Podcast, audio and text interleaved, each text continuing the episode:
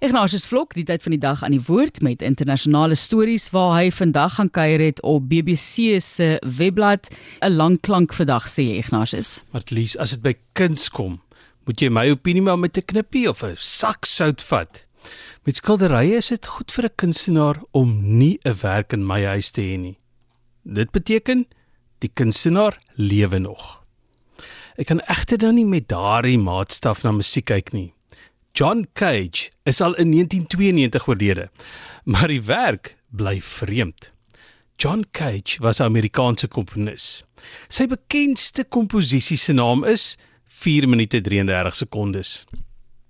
Die stuk is vir verskeie instrumente geskryf. Die musikante sit op die verhoog, doen niks en die klank wat die gehoor maak vir 4 minute en 33 sekondes is die komposisie. Jy kan net dink hoe die gehore se interpretasie van daardie stil stype kan verskil. John Cage is ook verantwoordelik vir 'n komposisie vir orgel of klavier met die naam So stadig as moontlik. Maar hoe stadig is so stadig as moontlik? In 1987 is die 8 blaaie blad musiek in net korter as 30 minute uitgevoer.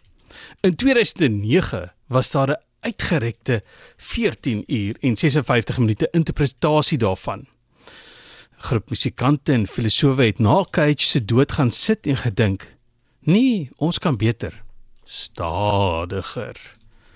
Hoe lyk dit met 639 jaar?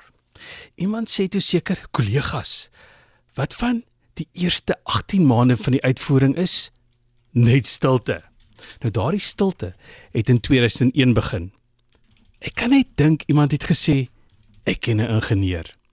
Want as hulle eers 'n noot vat, dan hou hulle hom vir 2 jaar.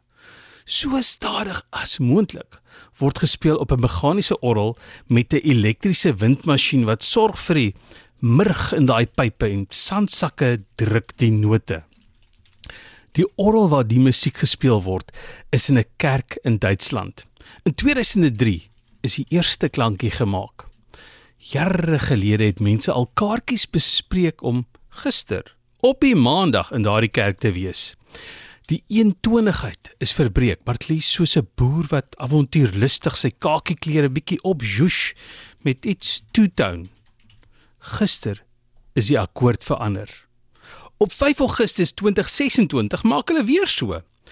Duitsland se werkloosheidskoers is 5,7% genoeg mense wat so verveeld is om nou al kaartjies te koop om die verveling oor 2 en 'n half jaar te verlig.